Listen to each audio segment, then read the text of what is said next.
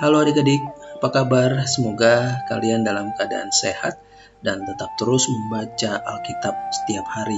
Kali ini kita akan kembali membaca dan mendengarkan firman Tuhan dalam renungan hari ini yang berjudul Domba dan Kambing.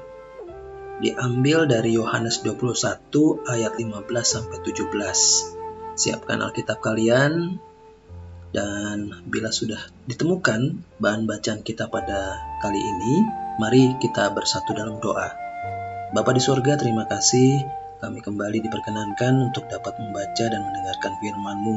Beri kami hikmat untuk dapat mengerti dan memahami apa yang Kau katakan pada kami. Dalam namamu Yesus kami sudah berdoa. Amin. Yohanes 21 ayat 15 sampai 17. Sesudah sarapan, Yesus berkata kepada Simon Petrus, "Simon, anak Yohanes, apakah engkau mengasihi aku lebih daripada mereka ini?" Jawab Petrus kepadanya, "Benar Tuhan, engkau tahu bahwa aku mengasihi engkau." Kata Yesus kepadanya, "Gembalakanlah domba-dombaku." Kata Yesus pula kepadanya untuk kedua kalinya, "Simon, anak Yohanes, apakah engkau mengasihi aku?" Jawab Petrus kepadanya, "Benar Tuhan." Engkau tahu bahwa aku mengasihi engkau. Kata Yesus kepadanya, gembalakanlah domba-dombaku. Kata Yesus kepadanya untuk ketiga kalinya, Simon, anak Yohanes, apakah engkau mengasihi aku? Maka sedihlah hati Petrus karena Yesus berkata untuk ketiga kalinya, apakah engkau mengasihi aku? Dan ia berkata kepadanya, Tuhan, engkau tahu segala sesuatu, engkau tahu bahwa aku mengasihi engkau. Kata Yesus kepadanya, gembalakanlah domba-dombaku. Demikianlah firman Tuhan hari ini. Fokus renungan kita pada hari ini adalah Yohanes 21 ayat 15c yang berbunyi kata Yesus kepadanya, gembalakanlah domba-dombaku. Adik-adik, tentu kita sudah sering mendengar bahwa orang Kristen diibaratkan sebagai domba dan Tuhan Yesus adalah gembalanya. Mengapa harus domba? Mengapa bukan kambing? Padahal mereka sangat mirip. Bentuk badannya mirip, suaranya sama, rasa dagingnya pun sama. Namun ternyata ada beberapa hal yang membuat kambing dan domba itu serupa namun tak sama. Empat di antaranya adalah yang pertama, kambing dan domba berasal dari genus yang berbeda dan mempunyai jumlah kromosom yang berbeda pula.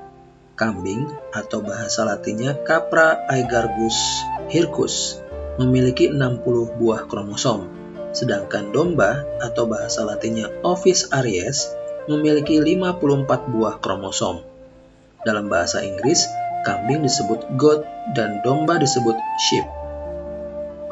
Yang kedua, kambing cenderung memakan dedaunan yang ada di pohon, sehingga mereka akan lebih banyak memanjat. Domba lebih memilih untuk memakan rumput yang ada di bawah. Yang ketiga, kambing hidup dalam kelompok kecil dan seringnya berpencar, sehingga lebih sulit untuk digembalakan. Sementara domba hidup berkelompok. Yang keempat, bagi bangsa Israel, domba lebih berharga daripada kambing. Ya, adik-adik, Orang Kristen diibaratkan sebagai domba maksudnya adalah agar mau digembalakan oleh gembalanya, mau dituntun menuju padang rumput yang hijau dan air yang jernih. Orang Kristen juga diharapkan untuk hidup harmonis bersama sesamanya, agar bisa saling mendukung dan melakukan pekerjaan-pekerjaan baik demi nama Tuhan. Jangan lupa, kita ini berharga di mata Tuhan. Ya, Tuhan Yesus sangat mengasihi domba-dombanya bahkan menggunakan domba sebagai perumpamaan untuk mengajar. Coba, masih ingatkah adik-adik tentang perumpamaan-perumpamaan Tuhan Yesus yang menggunakan domba? Tuliskan yuk apa perumpamaannya dan apa isinya. Kalau adik-adik mendengarkan renungan ini melalui Spotify, adik-adik bisa lihat pertanyaannya di sana dan tuliskan apa perumpamaan Tuhan Yesus yang menggunakan domba. Baik, adik-adik mari kita bersama-sama bertekad hari ini. Aku tahu mengapa Tuhan menyebut umatnya sebagai domba. Mari kita berdoa. Bapa di surga, terima kasih kami boleh belajar tentang perbedaan kambing dan domba di dalam Alkitab.